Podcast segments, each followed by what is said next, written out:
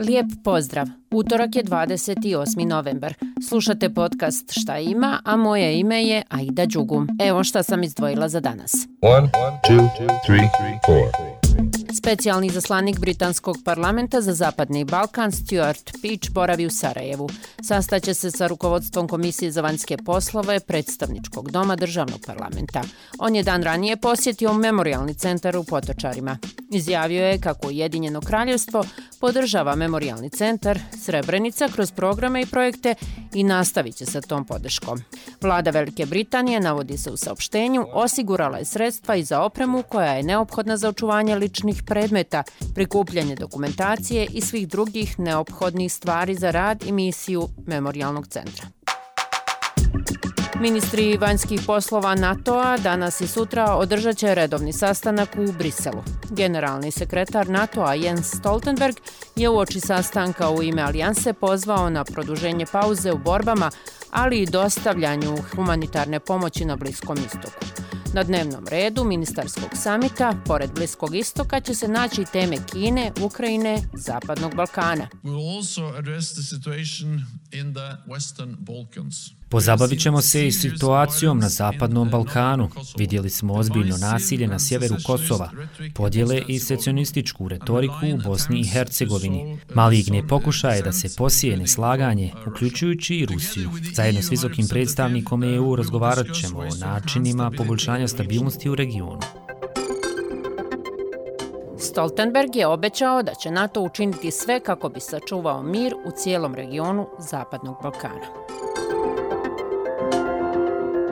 Predstavnički dom federalnog parlamenta zasjeda danas, ali ne u sali u kojoj se godinama održavaju sjednice, već u zgradi opštine Stari grad u Sarajevu. Isti ovaj dom je prije nekoliko dana odgodio zasjedanje zbog prokišnjavanja plafona u sali, a kako je obrazloženo, oštećen je strop iznad predsjedavajućeg stola i nisu ispunjeni sigurnosni uslovi za održavanje sjednice, javlja Fena. Za razliku od predstavničkog, Dom naroda je jučer zasjedao u sali parlamenta jer je predsjedavajući Tomislav Martinović rekao da su četiri petine prostora gdje sjede delegati sigurne, iz čega proizilazi da se to ne odnosi na petu petinu, dio iznad predsjedavajućeg stola. Helem, poslanici će razmatrati prijedlog zakona o preduzetničkoj infrastrukturi i prijedlog zakona o podsticanju razvoja male privrede u Federaciji BiH. Regionalni program lokalne demokratije na Zapadnom Balkanu 2 ima niz događaja koji inspirišu, motivišu i podstiču mlade širom Bosne i Hercegovine na postizanje novih dostignuća, kažu organizatori. Jedan takav dešava se u Goraždu, na kojem će motivacioni govor održati profesor na Ekonomskom fakultetu u Sarajevu, Kasim Tatić. Tatić je poznat po neobičnim predavanjima i jedinstvenom pristupu ekonomiji, a kako kažu organizatori, Tatić će svojim intelektualnim dernekom nasmijati, inspirisati i potaknuti na razmišljanje mlade ljude. I za kraj niz događaja koji se odnose na prevenciju nasilja. U Sarajevu izložba između četiri zida. To je dio globalne kampanje 16 dana aktivizma protiv rodno zasnovanog nasilja.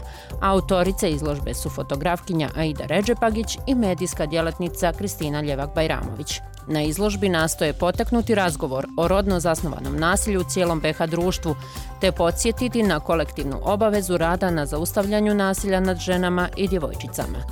Na Filozofskom fakultetu na Palama, Udruženje građana ženski interaktivni ruralni centar Istočno Sarajevo ima konferenciju o pedagoškom pristupu u praksi u pružanju usluga žrtvama porodičnog nasilja i njegovoj prevenciji. Prije 69 godina Ernestu Hemingwayu dodijeljena je Nobelova nagrada za književnost. No Hemingway nije mogao prisustvovati ceremoniji u Švedskoj. Umjesto toga napisao je govor koji je pročitao John Cabot, američki ambasador u Švedskoj. Dobio je nagradu za, kako je navedeno, majstorstvo u umijeću pripovjedanja, koje je pokazao u knjizi Starac i more, te zbog uticaje koje je izvršio na savremeni stil. Eto, toliko od mene. Pozdravljam vas do sutra. Tchau.